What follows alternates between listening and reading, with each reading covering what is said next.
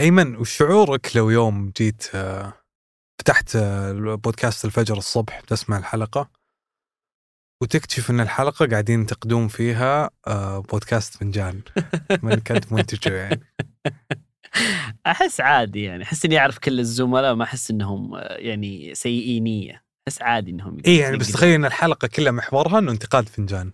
تحسها غريبة يعني. غريب يعني يعني بتقابلهم بعد شوي استقعاد بالمكتب اي اي يعني تقدر تكلمني على طول ليش حلقه طيب هذا اللي صار يعني صار شيء مشابه في نيويورك تايمز. والنيويورك تايمز عندهم بودكاست شهير يومي أيضا اسمه The Daily بودكاست أخباري.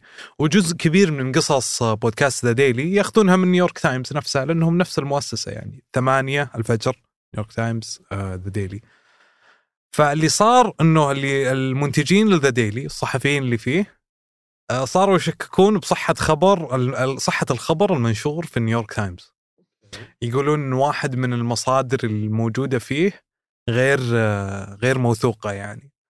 فكلهم صحفيين هنا وهنا آه، فرفضوا ينشرون الحلقة. نيويورك تايمز رفضوا ان نيويورك تايمز ينشرون الحلقة. طبعا إحنا نشتغل على Basecamp هم يشتغلون على Slack فلك أن تتخيل كيف كان ذاك اليوم ب Slack عندهم كيف كانوا يتهاوشون. يقولون إنه فريق القانوني الفريق القانوني دخل قاعد يهدي واو. النفوس إنه يا جماعة لا أحد يشتم. يعني احس لو سويتوها في فنجان زين انكم تتكلمون عن فنجان يعني أبو مالح ما راح يخليك. يعني.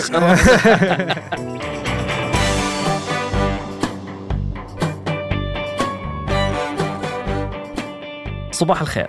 هذا بودكاست الفجر من ثمانية. بودكاست فجر كل يوم نسرد لكم في سياق الأخبار اللي تهمكم. معكم أنا أيمن حمادي. وأنا مشاري الحمود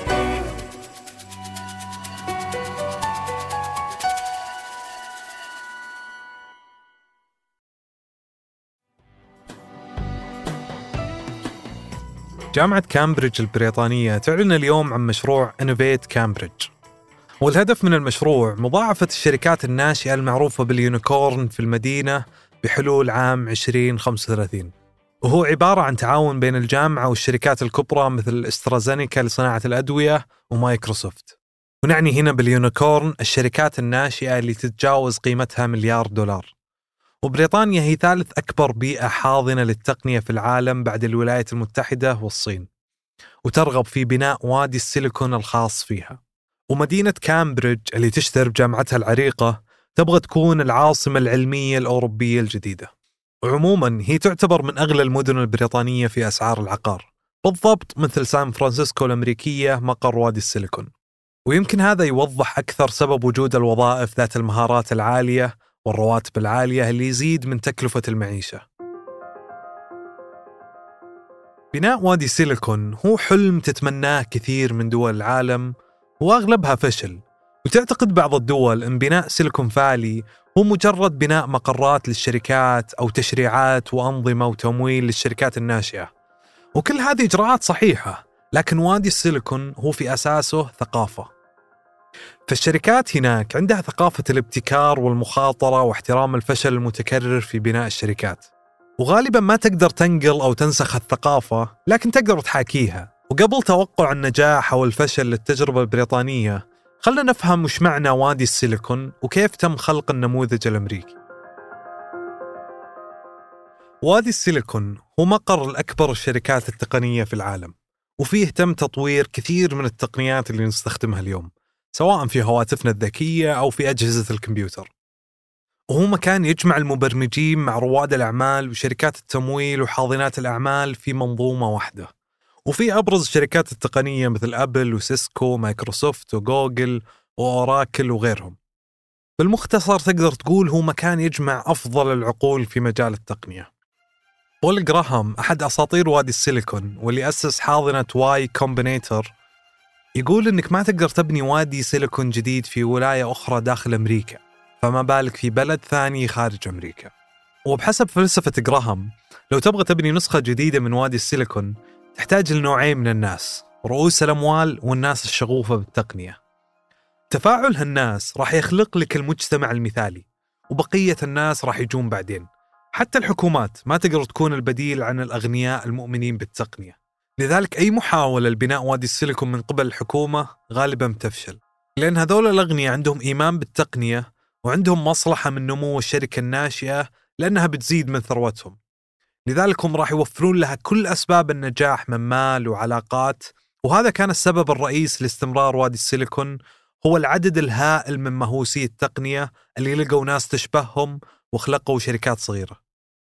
لكن بناء الحكومة المباني ضخمة ثم جلب الشركات الكبيرة هو طريقة خاطئة جدا لخلق شيء مثل وادي السيليكون على حسب كلام جراهام. وعلى ذكر بناء الحكومات ومحاولة تقليدها للنموذج الأمريكي يمكن نذكر التجربة الفرنسية في بناء صوفيا أنتيبوليس للعلوم والتقنية. وهو مركز للتقنية يجمع الشركات في المجالات المتعلقة في الحوسبة والتقنية وشملت شركات مثل سيسكو كومباك و IBM وغيرهم. لكن هذه ما هي بشركات ناشئة.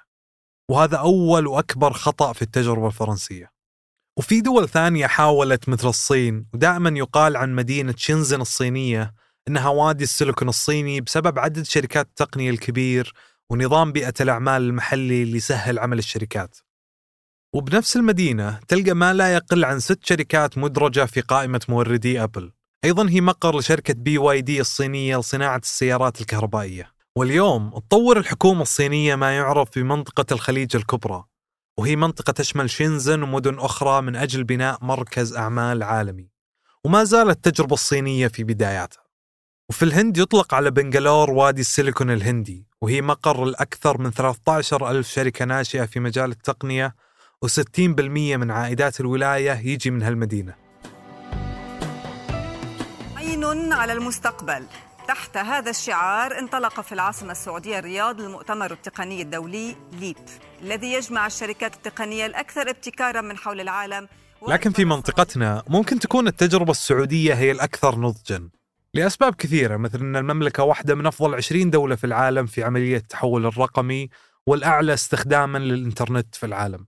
وكانت السعودية أعلنت عن برنامج الشركات المليارية واللي يهدف إلى دعم الشركات التقنية ذات النمو المتسارع تمهيدا لأن تصبح هذه الشركات مليارية. تركز التجربة السعودية على البرامج التطويرية وبرامج التشريعات والقوانين اللي تساهم في خلق البيئة المناسبة مثل إطلاق فعالية لاونش اللي تعتبر أكبر إطلاق تقني من نوعه واللي من أهدافها يكون فيه مبرمج من كل مئة سعودي بحلول العام 2030 ويمكن أهم هدف يخلي خطواتنا عقلانية وغير متسرعة هو رفع مساهمة الشركات الصغيرة والمتوسطة إلى 35% من الناتج المحلي بحلول العام 2030 أو مؤتمر ليب وما نتج عنه من مبادرات مثل مبادرة كراج وغيرها الكثير يمكن النموذج السعودي يختار تمكين رواد الأعمال وهو نموذج مرن يختلف عن بقية النماذج. أخيرا تبقى تجربة مدينة كامبريدج تجربة مكررة من خلال تعاون بين الجامعة والشركات التقنية العملاقة. لكنها تراهن على أنها المدينة اللي تشهد أكبر نشاط علمي وتقني في العالم نسبة إلى كثافتها السكانية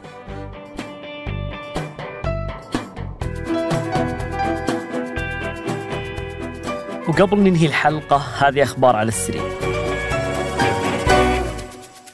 وقعت شركة لوسيد اتفاقية مدتها ثلاث سنوات مع شركة معادن لتوريد ألواح الألمنيوم عالية الجودة لمصانع الشركة في الولايات المتحدة على مدار ثلاث سنوات. الاتفاقية هذه راح تعزز من القدرة الإنتاجية للشركة. ونتيجة لهالخبر تجاوب السهم وارتفع بنسبة 25% وقال حساب لوسيد على موقع إكس إنهم سلموا عشرة آلاف سيارة في 2023 وهو رقم أعلى من التوقعات. وممكن يكون واحدة من الأسباب اللي ارتفع السهم عشانها هو الشائعة المنتشرة إن سيارة لوسيد الكهربائية راح تستخدم في فيلم جيمس بوند الجاي. قرر مؤتمر ميونخ للأمن استبعاد إسرائيل من المشاركة الرئيسية في الحدث. وهذا بسبب استمرار حربها على غزة. قرار استبعاد إسرائيل من المؤتمر كان غير متوقع. فإسرائيل كانت تؤدي دور رئيسي في هذا المؤتمر لفترة طويلة. وفي العام الماضي تم منح ممثلي إسرائيل مكان هام في المؤتمر وخصصت مقاعد مركزية لرئيس الوزراء نتنياهو ووزراء الدفاع. هذا وتم اتخاذ قرار بتقليل ظهور وزير الدفاع يوآف جالاند وعائلات الرهائن حيث تم رفض طلبهم لتنظيم حفل تكريم للرهائن. وتم اقتراح حل بديل للعائلات وهو عقد حدث جانبي بمشاركة أقل في المؤتمر مما يؤدي إلى انخفاض اهتمام وسائل الإعلام الدولية بشكل محدود أيضا. إيلون ماسك يعلن نجاح شركته نيورالينك في زراعة أول شريحة دماغية لإنسان. خضع أول مريض من البشر لزراعة شريحة دماغية من اللي انتجتها شركة نيورالينك الناشئة يوم الأحد. وقال مؤسس الشركة إيلون ماسك إن المريض يتعافى بشكل جيد. ونشر على منصة إكس منشور يوم الاثنين يقول فيه تظهر النتائج الأولية رصد زيادة الخلايا العصبية. المعهد الوطني للصحة يوصف الخلايا العصبية بأنها خلايا تستخدم الإشارات الكهربائية والكيميائية لإرسال المعلومات عبر الدماغ وإلى الجسم. وكانت إدارة الغذاء والدواء الأمريكية قد منحت الشركة العام الماضي تصريح لإجراء أول تجربة لها لاختبار زرع الشريحة في دماغ إنسان. وأفادت نيورالينك على موقعها الإلكتروني بأن الشريحة تمكن الأشخاص المصابين بالشلل الرباعي من التحكم في الأجهزة بتفكيرهم.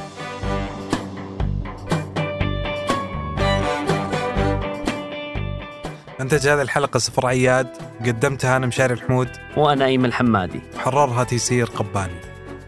أشوفكم بكرة الفجر.